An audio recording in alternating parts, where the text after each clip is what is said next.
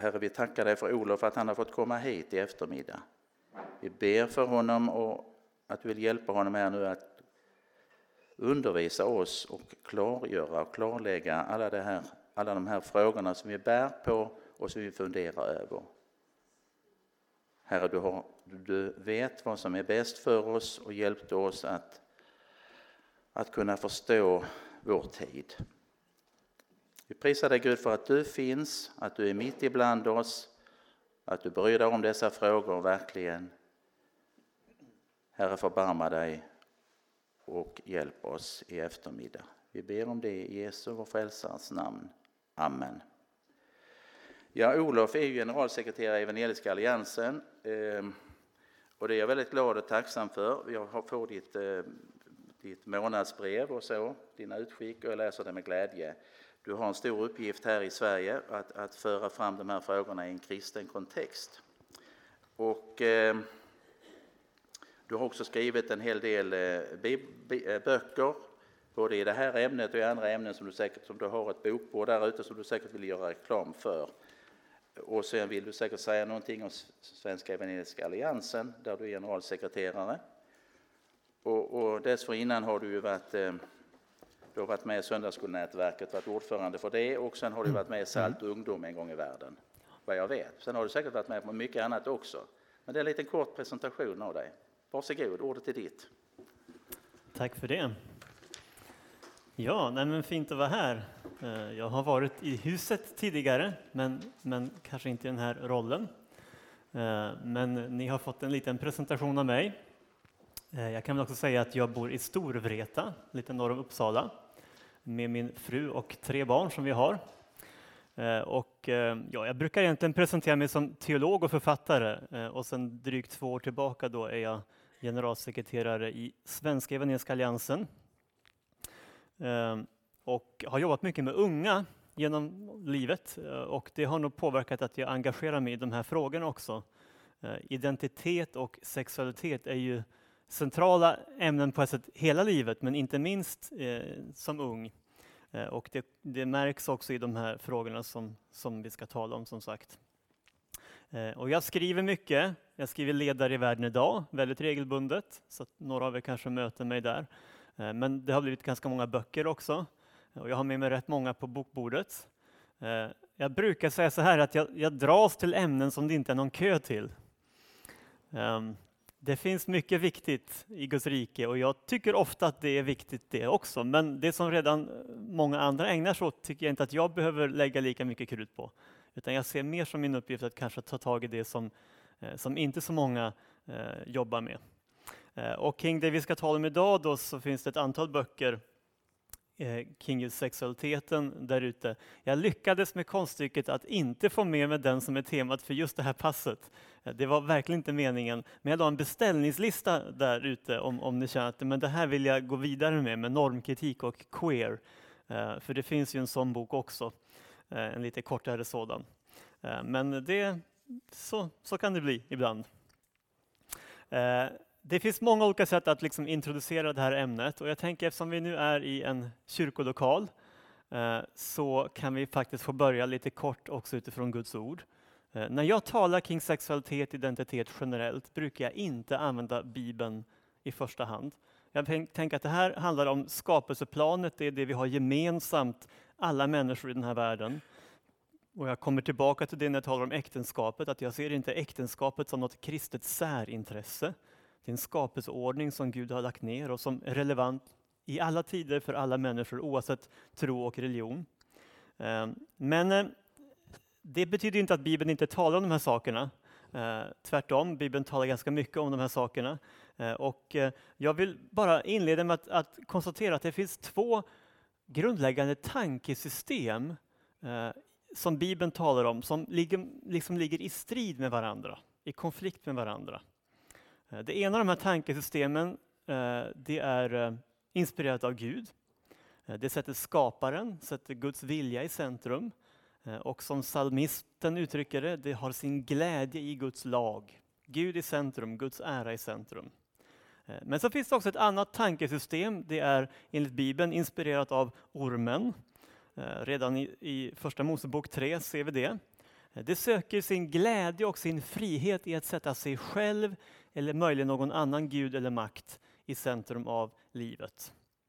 Ehm, och Paulus han talar om de här två tankesystemen på flera ställen, inte minst i Romarbrevet 1. Eh, han talar om hur människorna utan Gud kännetecknas av att de undertrycker sanningen. Eh, de påstår att de är visa, säger Paulus, men är i själva verket dårar. Eh, de vänder ryggen åt Gud, han som har skapat dem, eh, och när de gör det så står det att de också börjar kasta skapelseordningarna över ända. När man vänder ryggen åt Gud så blir det också någon slags konflikt med hans ordning här. Eh, och inte minst är det faktiskt sexualiteten som drabbas. Och jag tänkte läsa ett par kända verser kopplat till det. Därför utlämnade Gud dem så att de följde sina egna begär och bedrev all slags otukt och förnedrade sina kroppar. De bytte ut Guds sanning mot lögnen och tog sig för att dyrka och tjäna det skapade istället för skaparen, han som är välsignad i evigheter. Amen. Eh, jag tror att när vi en sån här dag samlas, eh, och nu specifikt för att tala om, om queer och normkritisk pedagogik, eh, så tror jag att det här kan vara viktigt att ha med lite grann i bakhuvudet i alla fall. Jag säger inte att det här ger hela förklaringen till det vi ska tala om idag. Eh, men jag tänker att queer-ideologin som vi ska, ska börja med att, att säga någonting om, eh, och den som då ligger till grund för mycket av det här normkritiska tänkandet, eh, den gör ju egentligen en dygd av det som Bibeln beskriver som själva skadan, själva trasigheten i den här världen. Den utmanar väldigt konkret Guds skapelsegivna normer, inte minst det som kallas för heteronormen och tvåkönsnormen. Och det sätter människan istället för Gud i centrum en väldigt stark individualistisk ideologi där var och en har sin egen sanning ehm, och eh, där man på något vis anser sig kunna definiera tillvaron utifrån egna känslor och tankar och preferenser. Till och med så grundläggande saker som eh, vår biologi och vår sexuella identitet. Eh, jag tror att som kristna i alla fall så får vi också ha med oss det i bakhuvudet när vi lyssnar till, till det jag ska tala om nu. Även om jag inte har tänkt egentligen Eh, att det här blir något bibelstudium så finns det en slags grundbild som jag tror kan hjälpa oss att, att förstå vad det är som pågår bakom det vi talar om här idag. Um, hur kom jag in på det här ämnet överhuvudtaget kan man ju fråga sig. Uh, och, um, Eh, det var så att jag var med och startade något som heter Nätverket för samlevnad och sexualitet. Eh, vi bildades för några år sedan eh, mycket från en frustration över att organisationer som RFSU och RFSL flyttade fram positionerna i skolans värld. Bland annat så gav man ut flera skolmaterial för sex och samlevnad som vi tyckte var dåliga Eh, och till skada för många av, av, Sveriges elever helt enkelt. Och då kände vi att nej, men vi behöver visa på ett alternativ till det här och, och samla oss för att, att, ta fram någonting bra också som, som kan, kan vara eh, ett alternativ som sagt. Um, och det ledde fram till ett material som heter Nära varandra som, eh, som jag i och för sig inte har med mig här men som, som NFS gav ut då för skolans värld. Eh, men, men som en förberedelse för det här så gjorde vi också en slags avläsning av hur ser det ut i skolans sex och samlevnadsundervisning just nu. Eh, och läste igenom då eh, de viktigaste läromedlen kring detta i naturkunskap då som, som ämnet heter. Och jag tycker det vi fann där var ganska anmärkningsvärt. Ehm, den här är inte helt samvetsvillig, men jag har några punkter i alla fall som vi såg då när vi gick igenom de fyra största samlevnadsmaterialen. Eh, och en av de punkterna är då att samlevnad konsekvent togs upp som ett utomäktenskapligt fenomen. Ehm, I klartext stod det ingenstans i något av materialen att man kan ha sex inom ett äktenskap. Om jag uttrycker mig så, så kanske det blir lite mer tydligt vad, vad som är problemet här. Alltså, man talar enbart om sex utifrån ett individualistiskt perspektiv, aldrig i ett större sammanhang av, av familj eller, eller ens äktenskap. Eh, alla elever från 15 år och uppåt i det här fallet förväntades antingen ha en sexuell praktik eh, eller eh, få det inom kort. Ehm, All information om par och familjebildning saknades. Och det är ju också anmärkningsvärt. Om vi säger att ämnet heter sex och samlevnad så står det ingenting om hur man kan bilda en stabil enhet. Ingenting om hur man kan bli ihop eller bilda familj. Ett material tog upp hur man gör slut. Eh, och det, ja, det kan ju också vara intressant, men, men inget berättar hur man blir ihop, om man säger så. Och, och det tycker jag också är lite talande för vår tid. Eh, och inte minst anmärkningsvärt, tre av fyra material struntade helt i att ta upp de frågor som rör den grundläggande biologin. Så det stod ingenting om könsegenskaper, om könsceller, befruktning, ingenting om graviditet eller förlossning. Allt sånt förbigicks med tystnad. Det ansågs inte höra hemma i sex och samlevnadsundervisningen. Ja, kan man också fundera rätt mycket på. Eh, vad tog man upp då kan man ju fråga sig om inget av det här fanns. Man tog naturligtvis upp ganska mycket olika saker.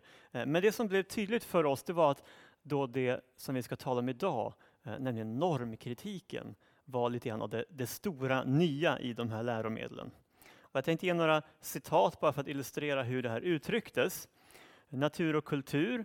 Eh, de inleder hela sitt avsnitt om sex och samlevnad med en bild på ett lesbiskt par som kysser varandra Eh, och ett gaypar som håller varandras händer. Och jag säger inte att man inte får ha sådana bilder, men jag kan tänka att det är anmärkningsvärt att man börjar undervisningen om sex och samlevnad för alla människor med att introducera samkönade relationer som nummer ett. Eh, det är ett ideologiskt statement. Men man beklagar sig på samma uppslag. Fortfarande finns det dock ett starkt dominerande synsätt i samhället gällande hur man ska vara och hur man ska leva. Det förutsätts ofta att du ska älska någon av det andra könet och vilja bilda familj bestående av mamma, pappa och barn. Det brukar kallas för heteronormen. Um, precis. Um, så kan man ju säga. Glerups förlag, och ni som kan bokvärlden vet att det här är ju stora, stora svenska förlag. Trots upplysning och lagstiftning befästs fortfarande heteronormen i samhället. Man förutsätts vara heterosexuell tills man öppet visar eller berättar om att man har en annan sexuell läggning. Föräldrar kan förutsätta att barnen växer upp och bildar heterosexuella kärnfamiljer. Kors i taket. Eh, en gynekolog kan fråga en kvinnlig patient när hon senast hade samlag och erbjuda henne p-piller utan tanke på att patienten kanske är lesbisk. Ehm, ja. Eh, vi går vidare till Bonniers förlag. De predikar samma lära. Ehm, Eh, men här är det då bland annat djurvärlden som står som förebild. Eh, vi får se om du får sköta den här, den var inte så enkel. Eh, ibland påstås, att, påstås det att det skulle finnas en typ av sexualitet som är mer biologiskt naturlig än en annan. Men vid studier av högre stående djur och framförallt våra närmaste släktingar bland människoaporna visar det sig att dessa ägnar sig åt sexuella handlingar som riktar sig till såväl det egna som det motsatta könet. Och så ställer man på nästa sida den retoriska frågan. Frågan är om det alls är eftersträvansvärt att vara normal. Det kan man fundera på. Uh. Vi tar ett sista exempel. Uh, bokförlaget Liber de relativiserar kärleksnormen. Uh, nu ska vi se. Liber är där, ja. Precis. Eh, är det viktigt för dig att kärlek och sex hänger ihop så är det viktigt att du håller dig till det. Men är det inte viktigt har du rätt att ha sex utan att vara kär. Det gäller att hitta sina egna vägar. Och när jag läser det brukar jag tänka, hur många tonårsföräldrar tycker att det är skolans uppgift att uppmuntra deras barn att ha sex med någon de inte är kär i? Jag tror att de är ganska lätträknade även utanför kyrkan. Eh, men eh, det anser alltså förlaget Liber att skolan ska göra. Ehm, och ehm, det här är en slags bara ögonblicksbilder av, av dagens sex och samlevnadsundervisning. Ehm, jag minns inte så mycket från, från den undervisning jag fick när jag gick i skolan. Det börjar vara rätt länge sedan nu. Men jag är ganska säker på att man inte så här aktivt gick emot det man kallar för heteronormen, alltså egentligen idén att de flesta människor är heterosexuella tills man kommer ut som någonting annat. Ehm, eller som nu senast då, kärleksnormen, att det är både sunt och bra om man faktiskt är kär i den man har sex med. Ehm, jag minns inte, men, men jag tror att jag skulle minnas om, om man hade varit så här tydlig i de frågorna. Ehm, och eh, den här genomgången som vi gjorde, den presenterades i form av en rapport eh, som fick ett, ett visst genomslag i media. Bland annat så, så skrev faktiskt Svenska Dagbladet om den på sin ledarsida. Men det var också det här som sporrade mig att gå lite djupare in i de här frågorna eh, och att helt enkelt försöka förstå vad ligger bakom de här formuleringarna. Eh, och det är den boken då som jag tyvärr inte fick med mig, men som om ni känner att det här vill jag läsa vidare om, kan, kan beställa eh, här senare. Men den heter då När minoriteten tar majoriteten som gisslan. Om identitet och sexualitet i queer-teoriernas tidevarv. Eh, och nu ska vi ägna en timme åt att tala om, om det jag försöker mejsla fram i den boken. Eh, för man kan säga att det som, som är tydligt för mig, det är att den normkritiska pedagogiken eh, den markerar en helt ny era i, i samhällets sätt både att eh, tala kring identitet och sexualitet. Eh, och bakom den här pedagogiken som den beskrivs som så döljer sig eh, en annan ideologi och det är den som vi kallar för queer. Och queer är en internationellt sett väldigt kontroversiell och radikal ideologi. Eh, och man kan bara lite enkelt beskriva utvecklingen här Eh, som att eh, den kvinnorörelse som uppstod kring förra sekelskiftet, alltså 1900, det skiftet, eh, den kämpade för lika rättigheter med, för kvinnor och män eh, utifrån att både vår biologi och våra olika roller såg olika ut. Eh, kan du klicka fram? Det funkar inte för mig som sagt. Ehm, det var den första vågen och det var ju många kristna som var, var med också i den rörelsen. Eh, och det var den som banade väg för kvinnlig rösträtt. Ehm, så jag ser den som, som på många sätt självklar och, och angelägen, den, den första vågens feminism. Eh, men sen några decennier senare kom det man kallar för andra vågens feminism. Eh, och då lanserade man då tanken på eh, genus, eh, som då står för det sociala könet, eller kanske man för i alla fall ska säga könsrollerna. Och man pekade på att det biologiska könet, att vi är män och kvinnor, det, det är ett faktum, men, men, våra könsroller är väldigt mycket formade av kulturen. Och därför finns en, en diskussion, inte minst i andra vågens feminism, kring de här rollerna.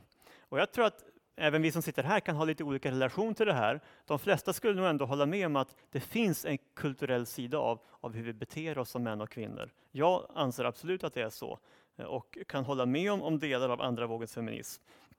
Men man kan dra den poängen olika långt och man kan dra den, tycker jag i alla fall jag, för långt. Eh, men om man drar den riktigt långt så kommer man då till det man idag kallar för tredje vågens feminism eller queer-ideologin eh, som, som ofta eh, finns med i det man kallar för feminism idag.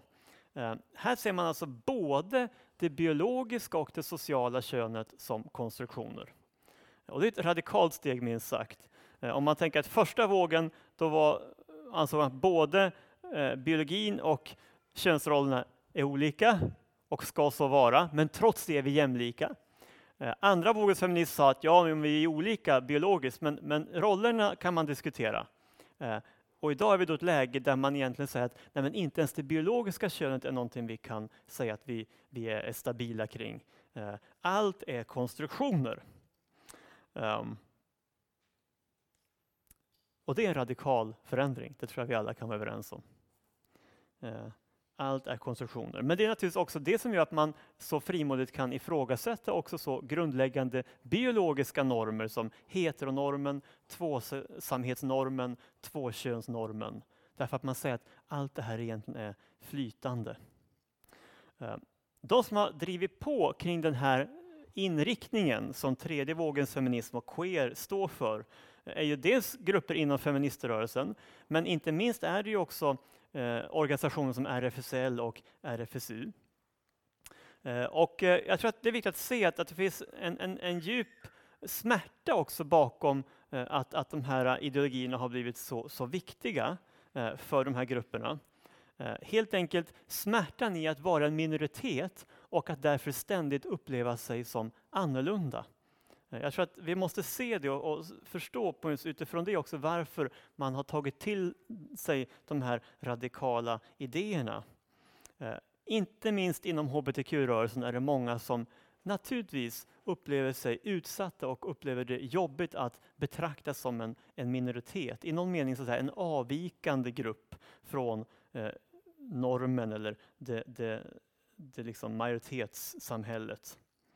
Eh, och då har man sett i queer-ideologin en, en, en tanke som har, har upplevts som väldigt tilltalande. Man säger att queer talar om egentligen all identitet och sexualitet som någonting flytande.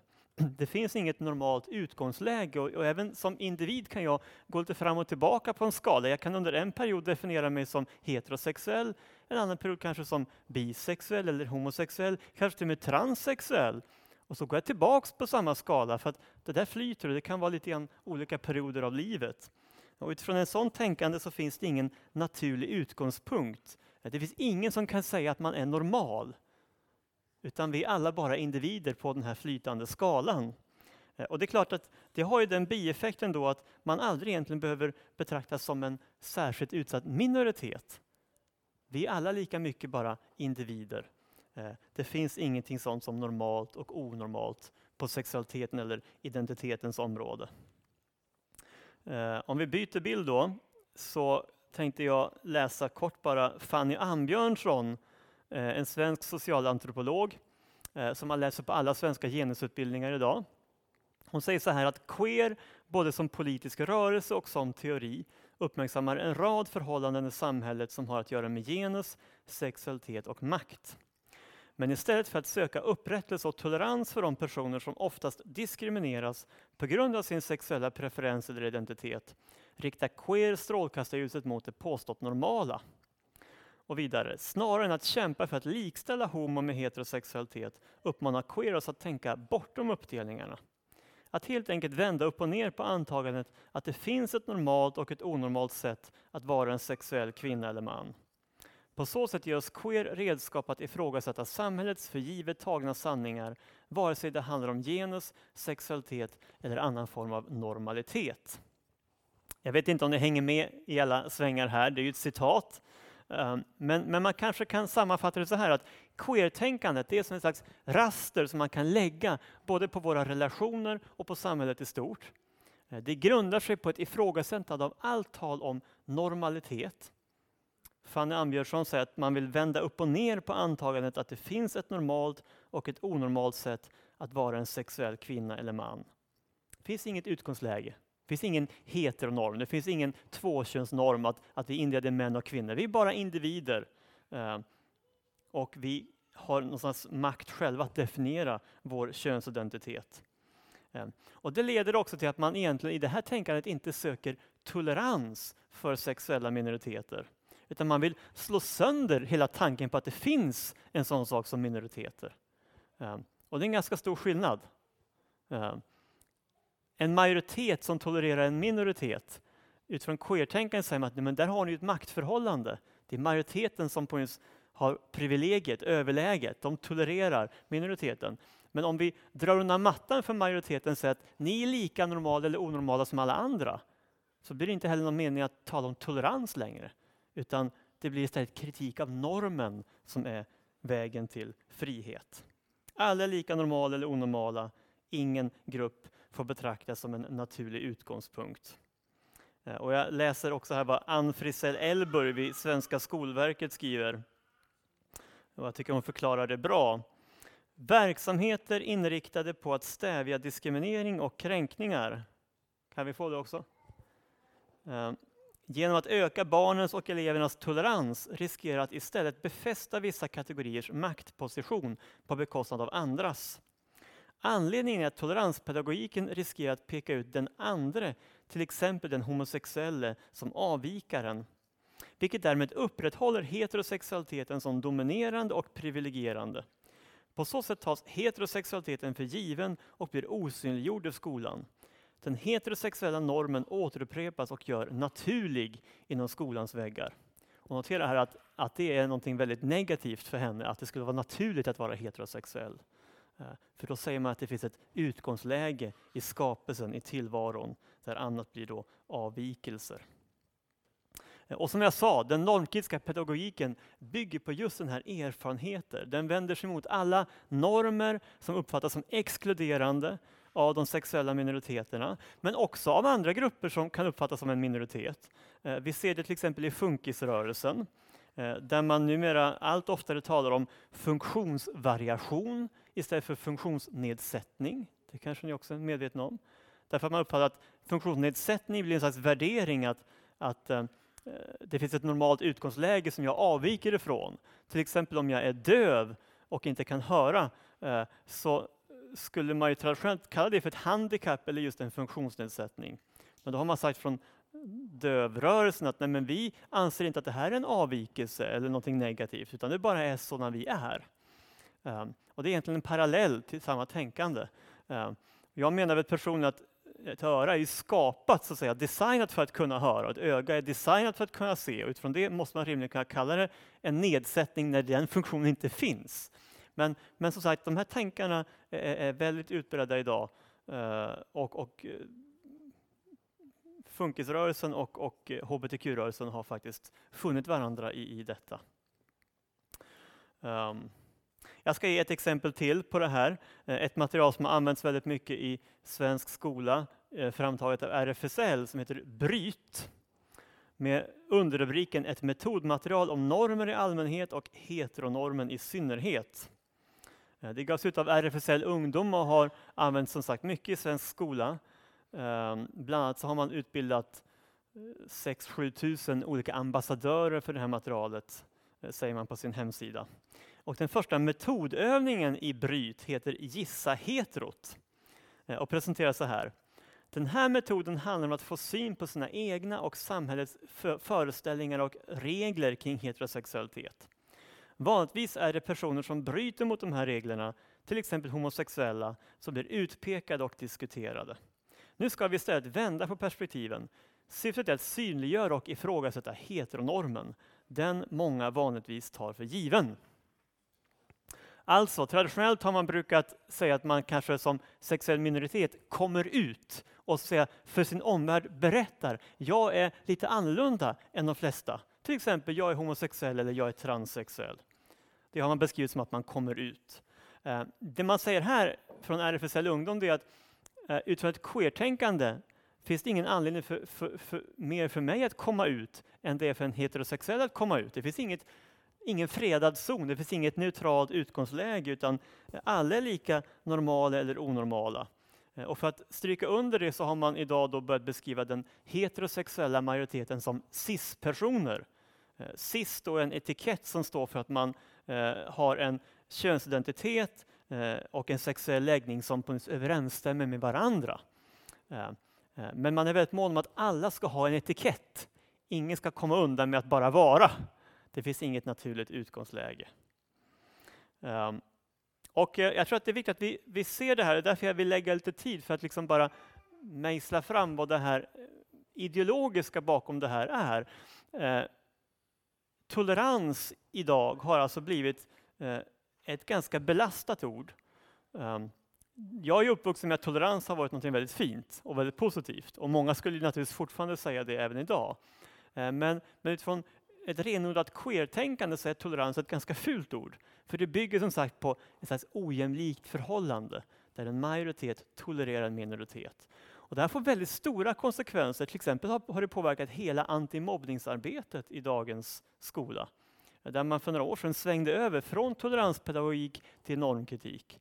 Så hela strategin för att undvika mobbning idag, eh, på många håll i alla fall, har gått från att uppmuntra människor att tolerera de man uppfattar som avvikande till att helt enkelt lära, och jag skulle nästan säga indoktrinera människor att det finns inga skillnader att tolerera. Eh, utan vi sitter alla i samma båt, vi är alla bara individer på en flytande skala. Eh, så man har helt bytt grundstrategi. Eh, och det finns naturligtvis förtjänster med det eh, och jag kommer nämna några av dem. Jag kommer också då avsluta med att nämna vad jag uppfattar som negativt och i vissa fall till och med skadligt med den här nya pedagogiken.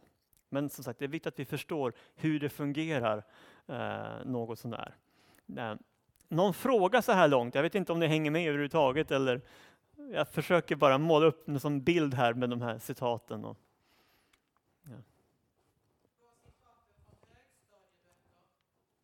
ja. eh, naturkunskap 1a1, eh, det är väl eh, gymnasiet va?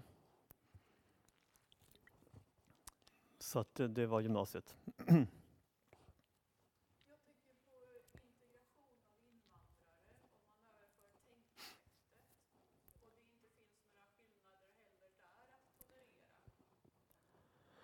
Nej, men det blir ju då, då blir ju mer, alltså när man uppfattar eller talar om skillnader så uppfattas man ofta bara som fördomsfull. Det är ju det ord som används idag. Ehm, man, man, eh, man diskuterar inte olikheter utan man, man mer försöker släta över eh, och eh, ofta får höra då att om man trots allt vill tala om sådana saker så är man mer fördomsfull. Så, så jag tänker att det finns en koppling där. Men i de texter jag läser så är det ju framför allt kön och uh, funkisfrågor som, som man, man betonar. Men, men rasism finns naturligtvis också med uh, i paketet. Egentligen är det ju alla de, de uh, sju diskrimineringsgrunderna som man jobbar med mycket i de här texterna. Väldigt sällan dock den som handlar om, om uh, diskriminering på grund av religion, men, men det nämns lite pliktskyldigt ibland. Uh, men det är helt klart att den nya lagen som vi fick i januari 2009 blev ett oerhört viktigt språngbräda för hela det här tänkandet. För i och med att man inkluderade flera kategorier kring kön och könsidentitet i diskrimineringslagen så blev det ju så att säga legitimt att, att driva det här ännu mycket hårdare. Och det var ungefär i samma veva som eh, det här med normkritiken lanserades. Eh, och som jag sa så har det kommit mycket från hbtq-rörelsen, eh, självklart inte bara. Eh, men eh, den första antologin som lanserade det här på lite bredare front, eh, den hette just normkritisk pedagogik och togs fram av Centrum för genusvetenskap i min hemstad Uppsala. det är ganska intressant, i inledningen till den här boken skriver redaktörerna så här. Kanske är det ett svenskt fenomen att den som, det som representerar verkligt radikala och maktkritiska perspektiv, såsom queer och normkritisk pedagogik, omfamnas av statliga institutioner i en svindlande fart. Det här skrev man redan 2010. Och man kan säga att från den stunden så gick det väldigt mycket snabbare. Um, och um, Det som också är intressant med citatet är att ingen som jobbar med normkritik idag skulle kännas vid de här formuleringarna. För idag presenteras ju det här som mainstream, som självklarheter. Men för bara nio år sedan så sa redaktörerna till den här antologin att det här är verkligt Eh, radikala och maktkritiska perspektiv. Så det går snabbt ibland. Vad har hänt sedan dess? Ja, det, det, dels har ju det hänt som de skriver, nämligen att det här omfamnas av statliga institutioner. Eh, och, eh, om vi tar myndigheter så har Skolverket, Diskrimineringsombudsmannen, Folkhälsomyndigheten, Forum för levande historia eh, och inte minst Myndigheten för ungdoms och civilsamhällesfrågor eh, tagit normkritiken till sitt hjärta. Och jag ska snart ge några exempel på hur det kan låta i deras texter. Eh, men jag tänkte jag kan ta en till definition så att jag har eh, i bästa fall alla med mig här. Eh, nu är det Wikipedia. Det är inte riktigt samma auktoritet där men den eh, tycker jag sammanfattar ganska bra vad, vad normkritiken är. Det är ett begrepp som används av personer som anser att det finns ett antal normer i samhället som gör att individer som följer dessa normer får mer makt i samhället än andra. Och hur dessa normer, när så är önskvärt, kan eller bör förändras. Ett normkritiskt perspektiv innebär att man fokuserar på att förändra normerna snarare än att få människor att passa in i gällande normer. Och det tycker jag är en ganska bra eh, sammanfattning av den här Eh, Eh, tankegången. Och det innebär i praktiken att man betraktar eh, normer som ett uttryck för makt. Att man motsätter sig allt tal om normalt och onormalt och att man särskilt aggressivt vänder sig då mot normerna på sexualitetens område. Naturligtvis för att det här har lanserats eh, till stor del av hbtq-rörelsen. Och då är det heteronormen och tvåkönsnormen som oftast är i skottgluggen. Och det var ju det vi såg i de här citaten också ur läromedlen. Just de formuleringarna.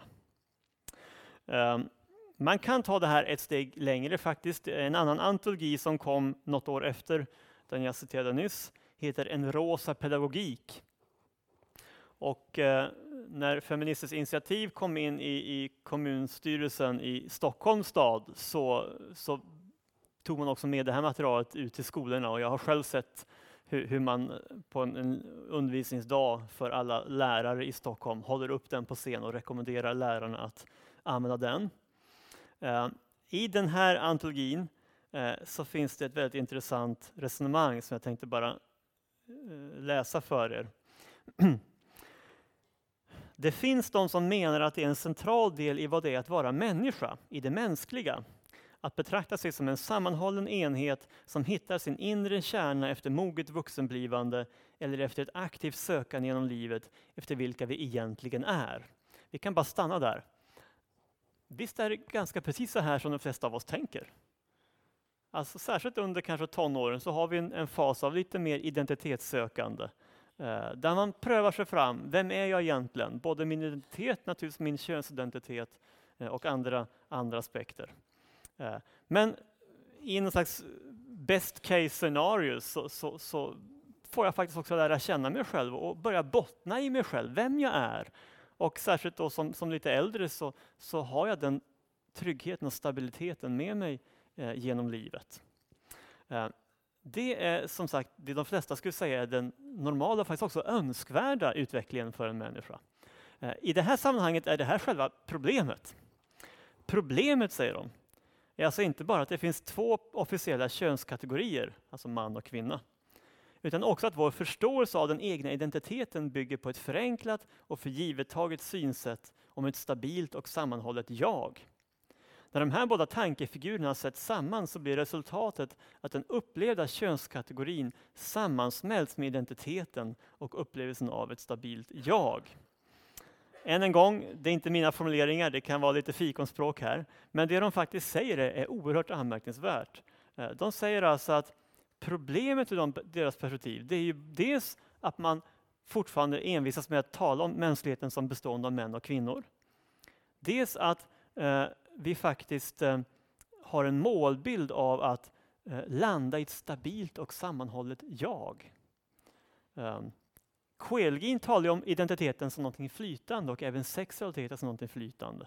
Och det är utifrån det tankemönstret som de kritiserar egentligen all klassisk psykologi. Jag tänker under 1900-talet, vad är det psykologerna har hjälpt människor med? Ja, men det är de som har lite rörigt i livet och kommer för att få hjälp för att bland annat få landa i, vem är jag egentligen? Vart är jag på väg?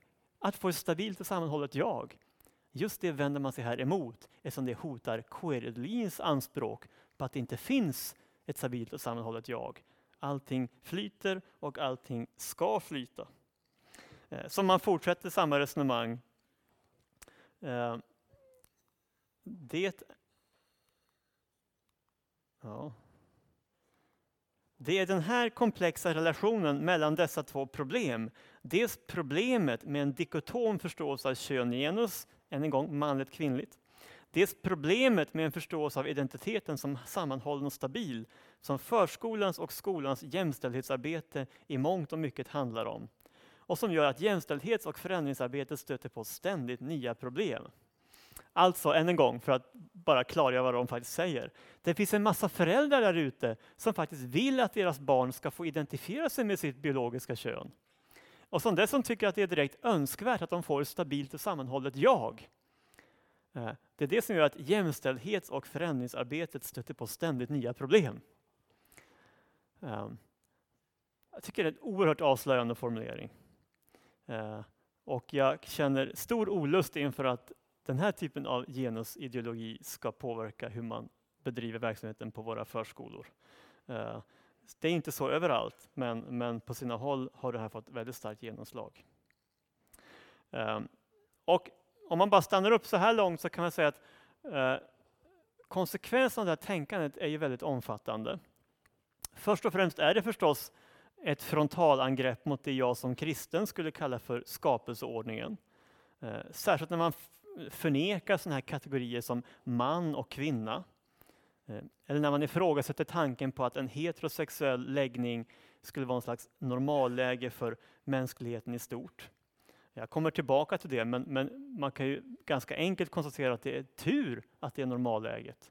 För en dag det inte vore det så skulle ju mänskligheten, eh, ja, definitivt minska och i förlängningen gå under eh, om, om man helt övergav den. Så det är inte vilken norm som helst vi talar om. Eh, men det är också en ganska svårhanterlig verklighetsuppfattning. Eh, att alltid liksom inkludera alla tänkbara synsätt och identiteter. Det är inte så lätt. Vi har ju kategorier för att vi liksom ja, dela in tillvaron och göra det lite enklare. Män och kvinnor är ju ett exempel på en sån eh, kategorisering. Vi kategoriserar varandra som män och kvinnor för att det är någonting vi, vi kan se objektivt eh, i någon mening, att, att, att, det finns en sån indelning, men också att det är praktiskt. Här har vi en slags radikal individualisering där alla bara blir individer. Det är inte alltid så lätt att, att jobba på det sättet. Um, och eh, vi ser det också ganska tydligt i så förlängningen av det här tänkandet. Um, att eh, när vi ger upp tanken på att det finns ett normalt utgångsläge och där var och en bara ska så säga, definiera sig själv, eh, då dyker det ganska snabbt upp rätt många olika identiteter. Eh, och på Facebook idag kan man välja mellan 70 olika könsidentiteter, eh, i Sverige i alla fall. Så man kan kryssa för man eller kvinna. Så finns det då annan och på annan så finns det 68 varianter man kan välja. Och för mig illustrerar det här att det på vis, it, it is running out of hand. Alltså det, det bara växer, exploderar. När man ger upp grundtanken på att det finns ett utgångsläge, en norm, eh, så finns det ju faktiskt bara ett flytande alternativ kvar. Och bland de här 68 finns ju naturligtvis sådana som androgyn, eh, icke-binär, genderqueer, trans, transgender, eh, transsexuell, vi kommer tillbaka till det på slutet också. Eh, och vi vet ju att de här olika etiketterna finns, att det också finns människor bakom dem. Eh, men som sagt, att man så snabbt går inte bara från två till en handfull utan från två till 70 illustrerar för mig att det är någonting som sker här som, som är svårt att, att kontrollera. Um. Men som sagt, detta är högsta mode i Sverige idag och beskrivs naturligtvis av väldigt många som ett, ett viktigt frihetsprojekt. Eh, och jag vill också vara tydlig med det att jag um, ifrågasätter egentligen inte intentionerna bakom den normkritiska pedagogiken. Jag, jag, ser att det finns ett, ett genuint problem att många eh, minoriteter upplever sig utpekade och eh, också naturligtvis i vissa lägen direkt illa behandlade. Eh, och som kristna är det helt självklart, tänker jag, att, att inte eh, stötta en sån hållning. Eh, däremot så tror jag att strategin man har valt, nämligen att, så att säga, ifrågasätta normerna som sådana, jag tror att det är en ohållbar strategi. Jag ska försöka hinna förklara lite grann varför jag tror att den är ohållbar. Eh, men eh, jag tänkte först läsa lite ur några myndighetstexter. Ehm, för jag tycker att de säger ganska mycket om, om egentligen vad, vad det här tänkandet leder till. Nu har vi lagt så att säga, den teoretiska grunden eh, och ni har fått lite exempel på hur man har lanserat det här, framförallt i skolans värld. Nu ska vi titta på förskolans värld Eh, och Diskrimineringsombudsmannens material till våra svenska förskolepedagoger. Eh, och just det här som jag citerar ut nu kom 2015 och hette då Lika rättigheter i förskolan tänkt att användas då i likabehandlingsarbetet i förskolan.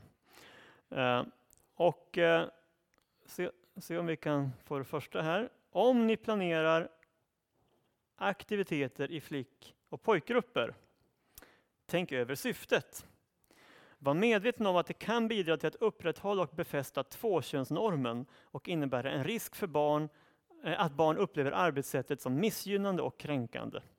Se till att det finns könsneutrala toaletter så att barnen inte måste välja mellan flick och pojktoaletten.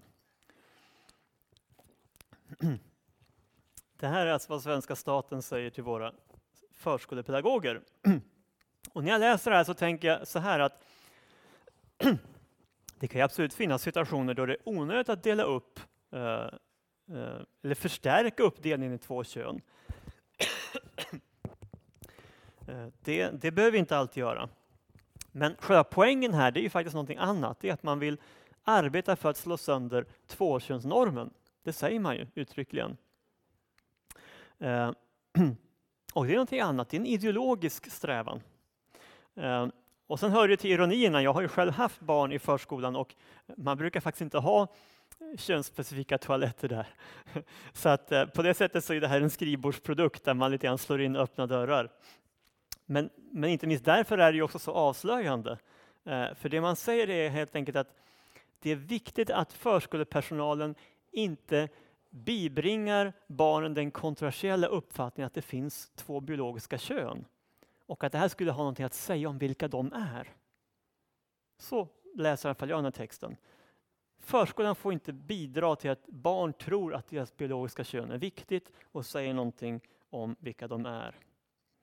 Um, och det är ett ideologiskt statement som i alla fall jag är väldigt obekväm med som förälder. Ehm, vi läser lite mer. Förskolan kan främja barns lika rättigheter och möjligheter oavsett sexuell läggning genom att se till att frågor som rör homo, bi och heterosexualitet på ett likvärdigt sätt blir behandlade och integrerade i verksamheten. Att synliggöra och bejaka olika familjekonstellationer är en förutsättning för varje barn att kunna känna stolthet över sin familj och en förutsättning för att föräldrar ska kunna känna tillit till förskolan. En konkret insats är att se till att förskolan har barnböcker om regnbågsfamiljer. Eh, jag är ju författare så jag märker ord och jag tycker det här uttrycket Se till att frågor som rör homo, bi och heterosexualitet, notera ordningen för övrigt, eh, på ett likvärdigt sätt blir behandlade och integrerade i verksamheten. Det är ganska starka ord. Ehm, än en gång, jag vet att det här inte tillämpas konsekvent överallt, men tar man det på allvar så innebär det att varannan gång kör vi mamma, pappa, barn, varannan gång är det mamma, mamma, barn. Det är att likvärdigt integrera det här perspektivet. Ehm, och jag säger inte att det är så det sker i praktiken på särskilt många ställen, men jag tänker att det är den typen av innebörd som Dios ord faktiskt skulle få. Eh, man kan tänka lite olika kring det här med att läsa böcker om regnbågsfamiljer. Eh, jag kan personligen tänka så här att om det faktiskt är så att vi har barn i vår grupp eh, som lever i en icke-traditionell familjekonstellation Eh, så kan det i vissa lägen kanske vara motiverat att man synliggör och bekräftar det barnet genom att på känns vid att familjer kan se olika ut. Och, det kan ju faktiskt vara också genom att läsa en, en berättelse. Um, men att däremot oprovocerat så att säga, lära barnen att det inte finns någon koppling mellan familj och det klassiska mamma, pappa, barn. Um, det är en större fråga. Och även där kan jag väl tycka att, att jag är betydligt mindre bekväm. Um, men vi tar ett citat till. Uh,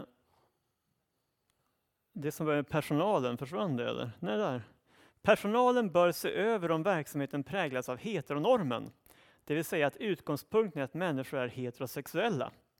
En främjande insats är till exempel att inte spekulera i om Kajsa och Mustafa, tre år, fattat tycke för varandra och är ett blivande par. Även här kan man ju fundera lite grann. Det finns ju många skäl varför man kanske inte ska som personal spekulera i vem som ska bli blivande par. Alltså, så långt är jag helt med. Men än en gång, det är inte det egentligen man är ute efter här. Det man säger är att du får alltså inte säga till två treåringar att det är normalt för en pojke att bli kär i en flicka och för en flicka att bli kär i en pojke. För det anses inte tillräckligt normkritiskt. Och då menar jag att då är vi mycket mer inne på det ideologiska området. Um, och än en gång gör det mig betydligt mer obekväm. Det är helt enkelt heteronormen man vill krossa bland treåringarna. Och det är klart att vill man få en helt ny världsordning på de här områdena så är det ju logiskt att man börjar med de minsta. Att säga, programmera dem från tidig ålder. Eh, men då ska ju det för det första ske med föräldrarnas samtycke och för andra så finns det flera skäl att, att skynda långsamt med det här. Eh, vi tar ett exempel till, men nu är vi då inne på de lite äldre barnen. Det här var förskolenivå. Eh, samma år kom LR Stud, alltså de som ehm, Lärarnas riksförbunds studerandeförening, de organiserar våra blivande lärare fackligt. Eh, de gav ut en lathund som de kallade för Det öppna klassrummet. Eh, och som nummer ett under rubriken Fem tips på att arbeta normkritiskt så får man då läsa uppmaningen Förutsätt inte kön och sexualitet, tala könsneutralt. Och det första stycket det lyder så här. Eh, om vi hade det där ja, alla elever är inte bekväma med att omnämnas som sitt tilldelade kön. Så tänk på att använda deras förnamn istället för att slentrianmässigt kalla dem grabbar och tjejer. Lika slentrianmässigt säger många lärare mamma och pappa när de ber elever fråga sina vårdnadshavare något, eller när en blankett ska hem och skrivas under. Det är inte svårt att istället använda ord som vuxen eller för den delen den nyss nämnda vårdnadshavare. Påminn era vuxna om att det är föräldramöte på tisdag. Um, ja, um, jag vet inte vad ni säger. Jag, jag skulle ändå beskriva det här som en ganska avancerad form av social ingenjörskonst.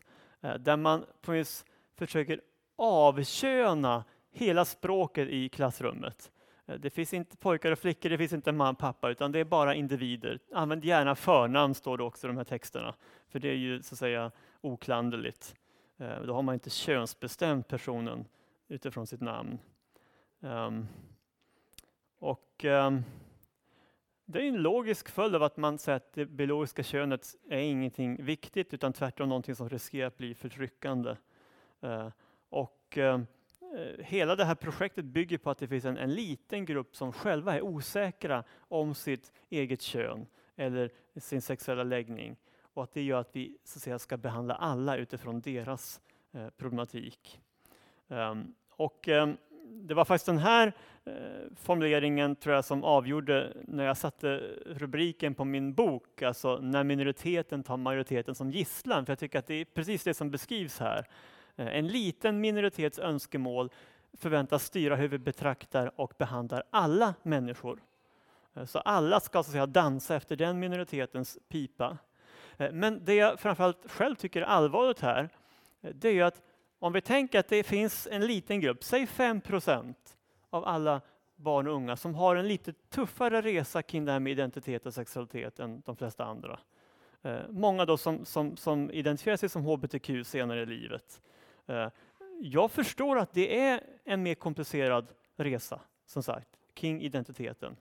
Eh, men någonstans det man gör här är att man lägger på den resan på alla människor. Alltså istället för 5 så är det 100% som ska göra den resan. För ingen får ta för givet att min, mitt kön säger någonting om vem jag är. Ingen får ta för givet att man sannolikt är heterosexuell. Utan alla ska så att säga, behandla det där och betrakta det som flytande och som eh, så att säga, ännu icke klarlagt.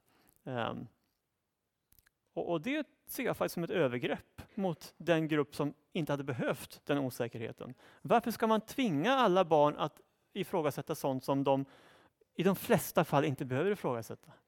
Ehm, men det blir den logiska konsekvensen av att slå sönder normerna istället för att jobba med tolerans. Och jag är en stor vän av tolerans och vill på inget sätt så att säga, ge näring åt eh, ska vi säga, ja, men elakheter eller eh, marginalisering överhuvudtaget av, av någon grupp här. Ehm, men än en gång, jag tror att strategin man har valt här har för många negativa effekter. Och jag ger, ger fler exempel på det här i, i, boken, men jag kan bara kort säga till sist att eh, det finns också någonting här som kan bidra till en sexualisering av våra relationer på ett sätt som jag tycker är ganska eh, obehagligt.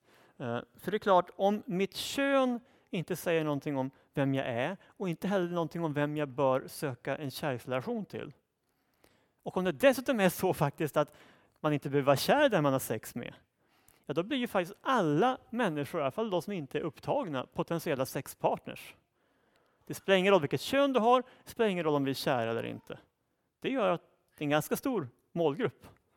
Eh, och jag tror faktiskt att det här redan nu har smugit sig in på ganska många håll i i ungdomsgenerationen. Det är ganska vanligt att man har eh, alltså kompissex eh, där man uttalat inte har någon målsättning att det ska bli en romantisk relation, men där det alltså ändå är en sexuell relation. Um, och jag tror att det här eh, skapar mycket trasighet och förvirring helt enkelt eh, hos många. Där man kanske också prövar sig fram. Och har man haft fem pojkvänner och fem flickvänner eh, så kanske man har en del bagage att reda upp i eh, som, som man inte hade behövt om man hade fått en lite mer eh, så att säga, traditionell eh, utgångspunkt i de här frågorna. Eh, så sexualiseringen där, där inte heller så att säga, samkönade relationer för majoriteten är fredade sexuellt, det gör att vi behöver nya avtal. Om jag delar lägenhet med en jämnårig eh, person av samma kön under studenttiden till exempel, så för bara 10-15 år sedan så var det nog inte särskilt många som tänkte att det skulle vara en sexuell laddning i det. Eh, men idag så behöver man på nästan göra ett avtal med den man delar lägenhet att okej, okay, vi är väl båda överens om att det här inte är en sexuell relation. Alltså det, man trycker in det sexuella eh, i relationer där det tidigare inte behövdes eh, diskutera sådana saker. Eh, och det, det tror jag eh, skapar också en, en otrygghet eh, och som sagt ibland också ett experimenterande med de här frågorna som, som man hade kunnat klara sig bättre utan. Tänker jag. Um, jag ska säga någonting mer om det här med, med hur det här lanseras i, internationellt också i skolans värld. Um, men gärna om det finns kommentarer eller frågor så här långt. Man måste inte hålla med mig heller. Jag vill verkligen säga det, att jag, jag är inte rädd för att det här är komplicerade frågor. Eh, så, så var frimodiga i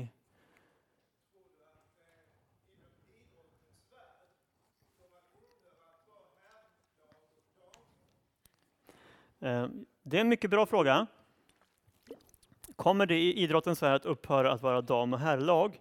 Ehm, alltså, så här är det faktiskt att den här processen är ju full gång Eh, och ha, har eh, blivit ganska stor i USA till exempel, där man då på delstatsnivå eh, har haft flera tävlingar där det är ju då på damsidan, det, det är på damsidan det här spelar roll.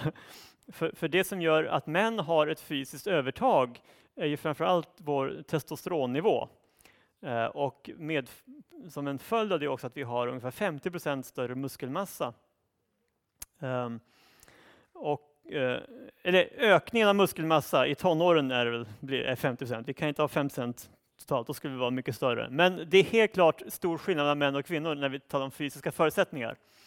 Eh, och eh, Obama införde ju en regel att man inte skulle få, få så säga, jobba med de här frågorna utifrån biologiskt kön i skolan och det blev ju ett ramaskri om det. Men, men, men, men införde, som jag snart ska ge exempel på, just tanken att att var och en måste få definiera sitt kön själv. Och det ledde att på delstatsnivå så är det ganska många tävlingar där personer som identifierar sig som kvinnor men som biologiskt sett är män eh, har vunnit helt enkelt tävlingarna. Eh, och det är ju eh, inte så kul då för de biologiska kvinnorna för att de är ju så att säga chanslösa. Och faktum är att vi har haft det här uppe också i OS-sammanhang Eh, där det var 2016 var det OS, va? kan det stämma? Eh, 800 metersloppet på damsidan. Alla tre på prispallen hade tydliga maskulina drag. Um, och det där ledde till en stor debatt. Uh, för det är också en diskrimineringsfråga här. Det här handlar då till stor del om transkvinnor. Eh, transpersoner och eh, när man då så att säga ifrågasätter deras medverkan i tävlingen så blir det en form av transdiskriminering. Så det gör eh, att, att frågan är inte så lätt att hantera. Men nu har alltså, det finns en form av internationell ja, men typ skiljedomstol för, för sportvärlden som har slagit fast att i friidrotten i alla fall så, så är det testosteronnivån som ska avgöra om du får tävla. Och det är alltså så sent som i våras som man antog det och det var på grund av stark press från de här organisationerna att vi, vi måste få en ändring. Eh, annars så blir ju damidrotten helt kapad av transpersoner. Så att säga. Eh, och det är ett, ett reellt problem och i USA har det varit ganska många fall på delstatsnivå då särskilt. Eh, och jag tänker bara ut i Storvreta, jag tycker det var ganska intressant. Så var det någon, eh, vi hade vår sexåring på fotbollsskola och då var det någon mamma där som klagade över att det var indelat i pojk och flicklag um, för, för barnen. För det är ju så omodernt tyckte hon. Um, och det var ganska Det var en annan mamma som bara sa ja, de prövade det och då slutade alla tjejerna. tycker jag var ganska talande. Att, ja, just det, det, det, var, det finns kanske flera skäl att i, i, vissa lägen är bra att dela upp i kön. Definitivt i, i sportvärlden. Men det här är en fråga som, som eh, kommer återkomma. Men, men intressant nog så, så den här skiljedomstolen eh, satte ner foten i våras.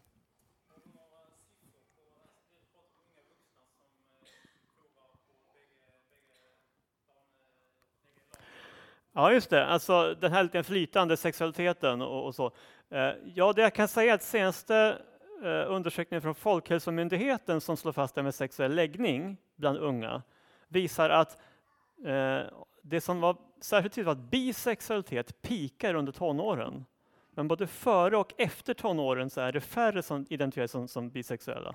Och det tolkar jag som att man under tonåren kanske prövar sig fram lite eh, och har just den här ambivalensen, men att man sen faktiskt landar i en mer stabil hållning. Och i det här fallet också att det blir färre som definierar sig som bisexuella.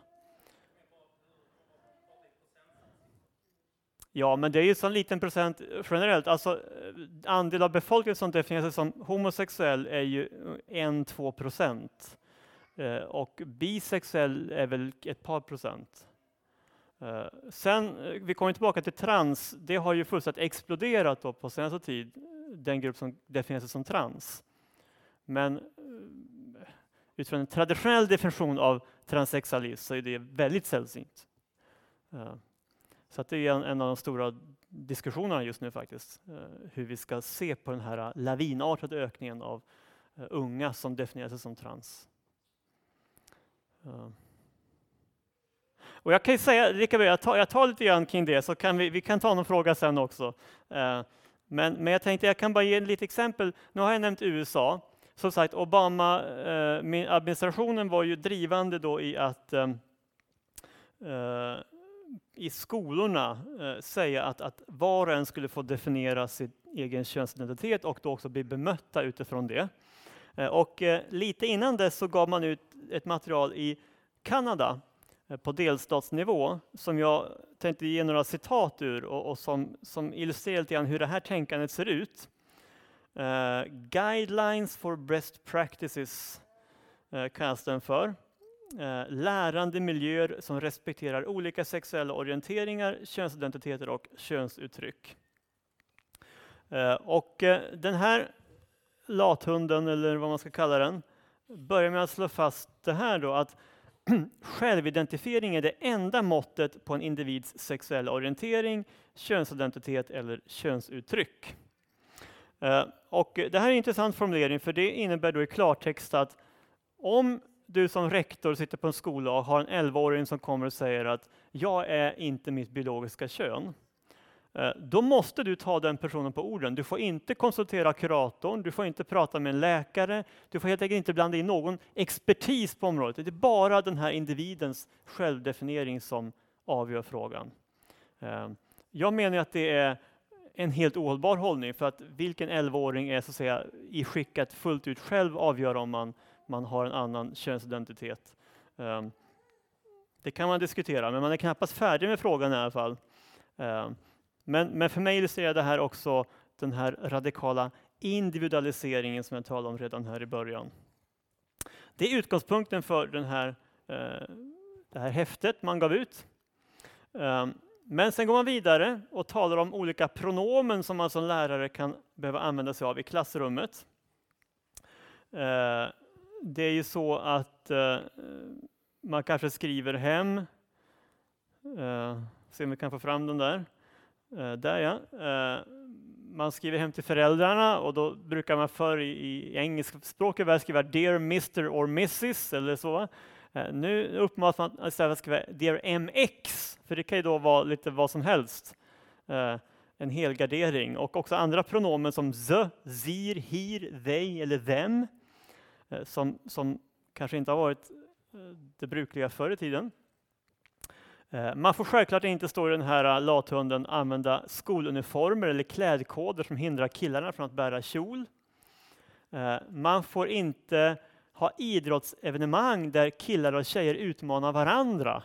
För det är en, en otillbörlig uppdelning. Det står uttryckligen man får inte heller dela upp sex och samlevnadsundervisningen efter kön, för då kan det ju verka så att killar och tjejer skulle kunna ha olika frågor när det gäller sånt. Och det, så är det ju inte. Um, men sen kommer då det mest omtalade området och det är det här med duschrummen, omklädningsrummen.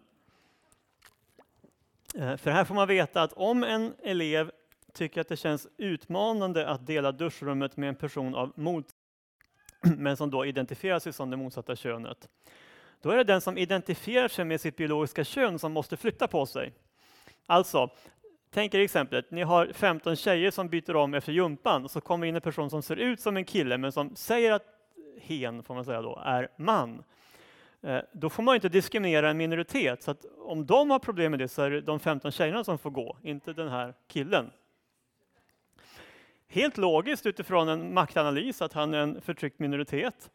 men kanske inte det sätt att liksom bygga en gemensam fungerande gemenskap som alltid har, har bäst utsikter att lyckas. Eh, en elev som motsätter sig att dela tvättrum eller omklädningsrum med en elev som är trans eller genderblandad erbjuds en alternativ lokal. Och så står det uttryckligen i en parentes. Detta scenario gäller även när en förälder eller annan vårdnadshavare motsätter sig delade tvättrum eller omklädningsrum och barnets vägnar. Alltså mamma eller pappa där hemma får höra att i vår skola så, så har vi liksom personer av olika kön som byter om och de reagerar, då är det deras barn som ska straffas för att föräldrarna klagar. Om det, och det var ett sånt här fall faktiskt i vårt grannland Norge bara för något år sedan, där en kvinna eh, bytte om efter eh, ett eh, träningspass på gymmet och i duschen finner sig stående bredvid en man. Eh, och eh, hon, hennes spontana reaktion är att men, oj, du måste verkligen ha kommit fel. Eh, och hon går ut sen och, och, och klagar i receptionen och säger att det här är ju inte okej. Okay, liksom. Eh, vet ni vad som händer?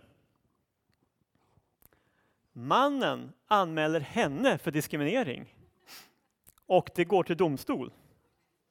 För att hon inte respekterar hans självidentifiering som kvinna. Um, och då hade han inte ens opererat sig, utan det var en helt vanlig, eller vad man ska säga, uh, man, ja, helt enkelt. Um, men, men eh, då är vi som sagt i Norge, så att det är inte så fjärran det här. Uh, och för mig, ja, jag vet inte ens om jag behöver kommentera det, men, men det illustrerar mycket av vad som händer och sker. Detta var Kanada, ja. Men precis samma grundidé lanserades av Obama ganska snart efter det här. Uh, och uh, det väckte mycket ont blod eh, bland delstaterna. Också för att federal nivå förväntas ju inte lägga sig i vad man gör på delstatsnivå så mycket. Så när, när Vita huset säger till alla delstater hur de ska göra på sina skolor så, så blir det ju en, en dubbelt eh, infekterad fråga. Eh, och eh, vi ställer oss frågor ibland kanske, hur kunde en sån som Trump bli vald till president i USA? Ja, men det här är faktiskt en av förklaringarna. Eh, där Demokraterna drev sådana här minoritetsfrågor så in absurdum att till slut säger folk att nu, det här är bara inte okej. Okay. Alltså, vi har massarbetslöshet bland, bland liksom vanligt folk och ni ägnar er åt minoriteternas liksom, extremfrågor. Alltså, jag ser många problem med, med, Donald Trump, så det är inte det som är min poäng. Men om vi vill förstå varför han blev vald, så behöver vi också ha med sådana här saker i beräkningar. Det här var bland det första lag han tog bort. Två veckor efter att han blev president tog han bort Obamas lag kring detta. Jag tänker det illustrerar symbolvärdet i de här frågorna. Och jag tänker också att det illustrerar att jag tänker på den här sista regeln, det här är från, från, från Kanada nu då. Jag tror inte att det här nödvändigtvis formar värme och kärlek och tolerans när man så här hårt driver på en minoritets särintresse. När man så att säga, ska tvinga ut 15 tjejer från omklädningsrummet för att en kille minsann ska få stå där för att han själv upplevs sig vara tjej. Eh, jag tror faktiskt inte att det skapar harmoni. Jag tror att det skapar mer polarisering. Eh, och eh, det, det, är väl egentligen eh, en av mina, mina grundfunderingar kring, kring många av de här eh, sakerna. Driver man saker för långt så kanske det faktiskt blir en rekyl istället. Eh, och det vill ingen av oss ha tror jag. Ehm, men jag kan bara också landa i det att, att några slutsatser som jag har dragit kring det här, det är att eh, jag tror faktiskt att den här normupplösningen som det här ändå uttrycker är en av många orsaker till den psykiska ohälsan. Eh, eh, jag säger absolut inte att det är den enda förklaringen och kanske inte heller den främsta, men jag tror helt enkelt så här att vi människor är inte skapade för en tillvaro där allting flyter. Jag tror inte vi mår bra av det. Eller som den här antologin En rosa pedagogik uttryckte det, ett stabilt och sammanhållet jag. Att se det som en slags fiendebild, för mig blir det absurt rent ut sagt. För det är väl just ett stabilt och sammanhållet jag som vi människor eh, i bästa fall alla skulle få ha. Um, jag tänker också att det finns en gränslöshet över inte minst ungdomskulturen. Eh, och, och, och, och, den eh, senaste stora sexualundersökningen i Sverige, UNCAB, den kom både 09 och 15, eh, den undersökningen. Eh, och det var mellan en och två tredjedelar av alla som svarade som, som sa att de någon gång har utsatts för sexuella handlingar mot sin vilja. Uh, våldtäkt är ju det mest extrema exemplet. Det finns ju en, en, en lång skala innan dess. Men, men, just den typen av gränslöshet som det vittnar om, tänker jag, är ett sjukdomstecken. Det, det är illa ställt när vi inte kan dra upp gränser. Och då gör det mig orolig med queerologin som sätter sin ära i att inte dra upp några gränser. Utan säga att allting ska flyta. Um, och um, De andra punkterna tror jag egentligen har varit inne på redan, att, att, att vi lägger någon slags en minoritets identitetsbrottning på alla människor. Uh, och att det kanske får faktiskt en, en negativ effekt för, för, många som inte hade behövt eh, göra den resan. Och också ett sexuellt experimenterande som kommer in här.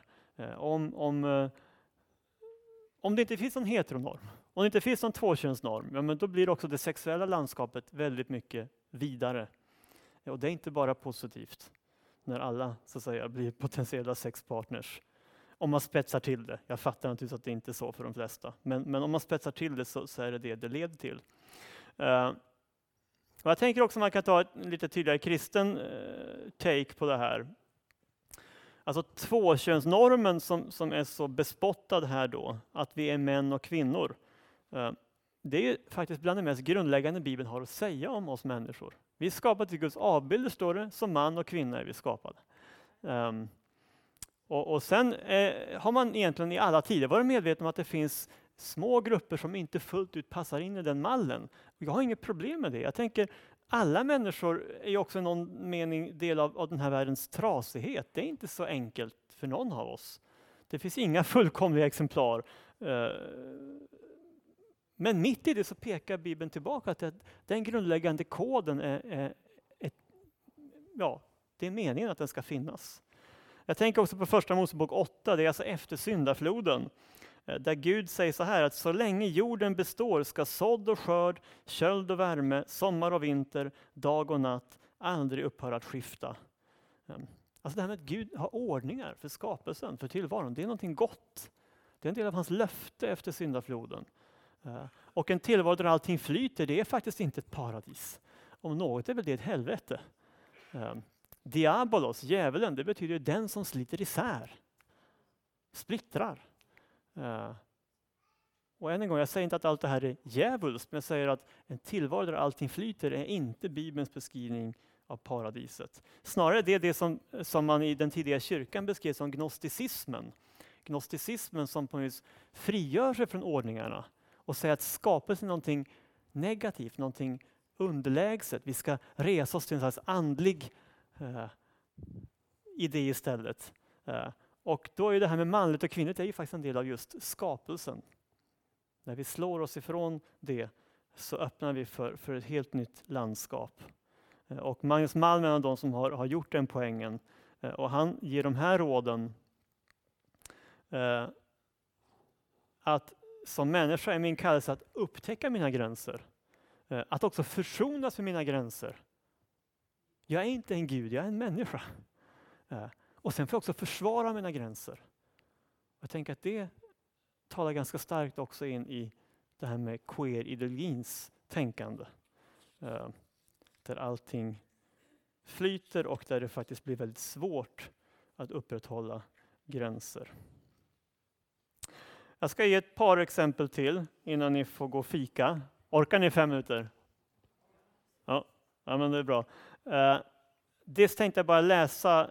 Jag hade ett citat från ett av RFSUs material. Och det här är intressant nog framtaget för SFI-lärare, alltså de som ska undervisa invandrare. Och jag bara tänker, jag ser framför mig vilken gigantisk kulturkrock det här måste innebära. Men så här instruerar RFSU våra SFI-lärare. Att bedriva undervisning som inte befäster heteronormen eller föreställningar om könsskillnader är egentligen inte så svårt. Börja med att ge både samkönad och olikkönad sexualitet en självklar plats i undervisningens alla moment. Du kan ta hjälp av metodmaterialets övningar och undervisningsupplägg. Där finns personer med könsneutrala namn och androgynt uttryck så att deltagarna själva kan läsa in vilket kön de vill att de ska ha. I en del exempel finns både samkönade och olikkönade relationer. Ett bra sätt att arbeta eh, med anatomi utan att befästa heteronormen är att skilja på reproduktion och det vi kallar lustanatomi. Kan vi få? Um. I lustanatomin står lusten och de yttre könsorganen i centrum.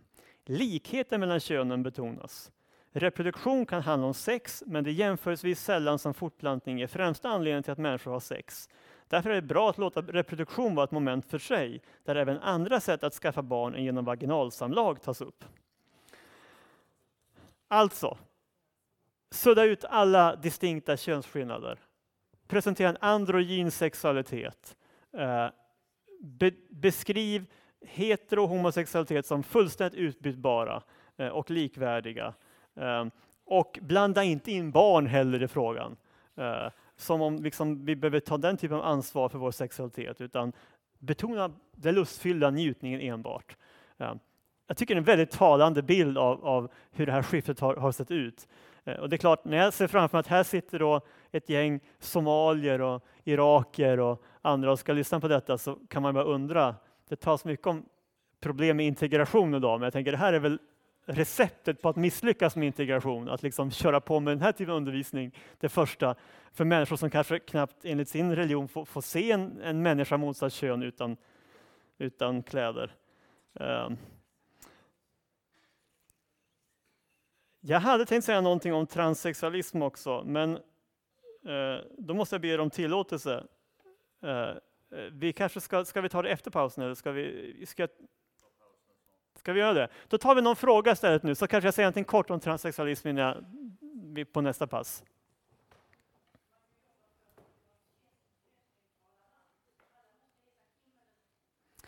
Eh, ja, jo, men i de här eh, testexemplen eh, försöker man ju använda namn då som, som ändå både män och kvinnor kan ha. De är ju inte jättemånga, men några finns det. Ja.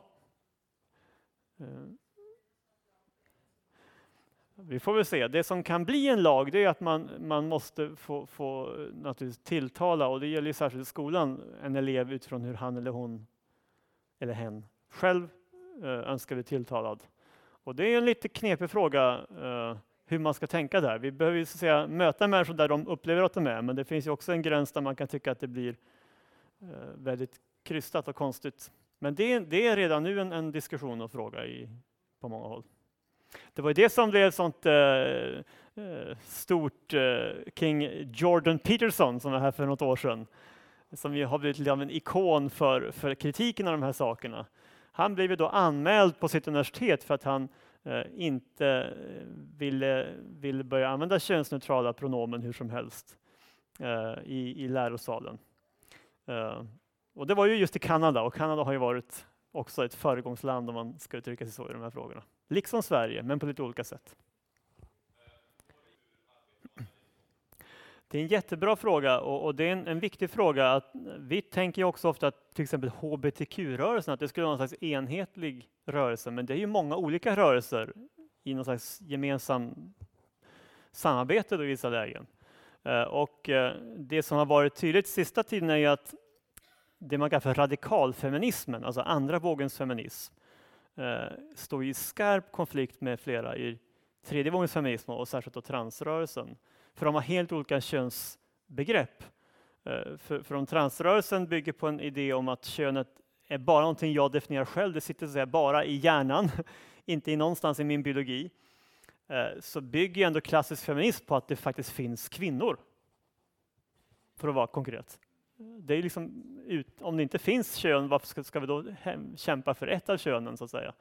Eh, så det här är definitivt en, en stor uh, klyfta, men uh, jag tänker att det är en del av det här postmoderna också, att vi, vi avkräver inte varandra en, en sammanhållen världsbild. Var och en har sin egen sanning och även sånt som egentligen logiskt inte går ihop får passera. Eh, så jag ser det här som ett tydligt uttryck för, för den typen av förvirring också i vår tid. Eh, sista om det är kort. Nej, men visst är det så. Och, och, jag tänker att det är därför också viktigt att se att också bland, om vi tänker en sån här, eh, alltså jag nämnde splittringen också inom hbtq-rörelsen. Klassisk gayrörelse har ju haft en stark tanke av att, att eh, homosexualitet är en ganska stabil identitet, kanske till och med medfött. Eh, och har drivit sina frågor väldigt mycket utifrån det. Medan dagens queer-rörelse inte alls talar om någonting som är medfött utan snarare mer under den här perioden är jag det här. De går naturligtvis inte att förena. Eh, och, och det talas alldeles för lite om, om de här inbördes konflikterna. Men, men eh, samtidigt så, i och med att individen bestämmer, så individen får välja sin ideologi då också på nytt. Det är lite grann så man hanterar det hela. Eh, vi får, eh, man får prata under pausen. Det finns kanske mycket att prata om utifrån detta. Och så kanske vi tar någon kort, kort sak kring trans i nästa pass, men vi ska hinna med annat också. Det är stora ämnen för dagen. Tack så mycket så länge.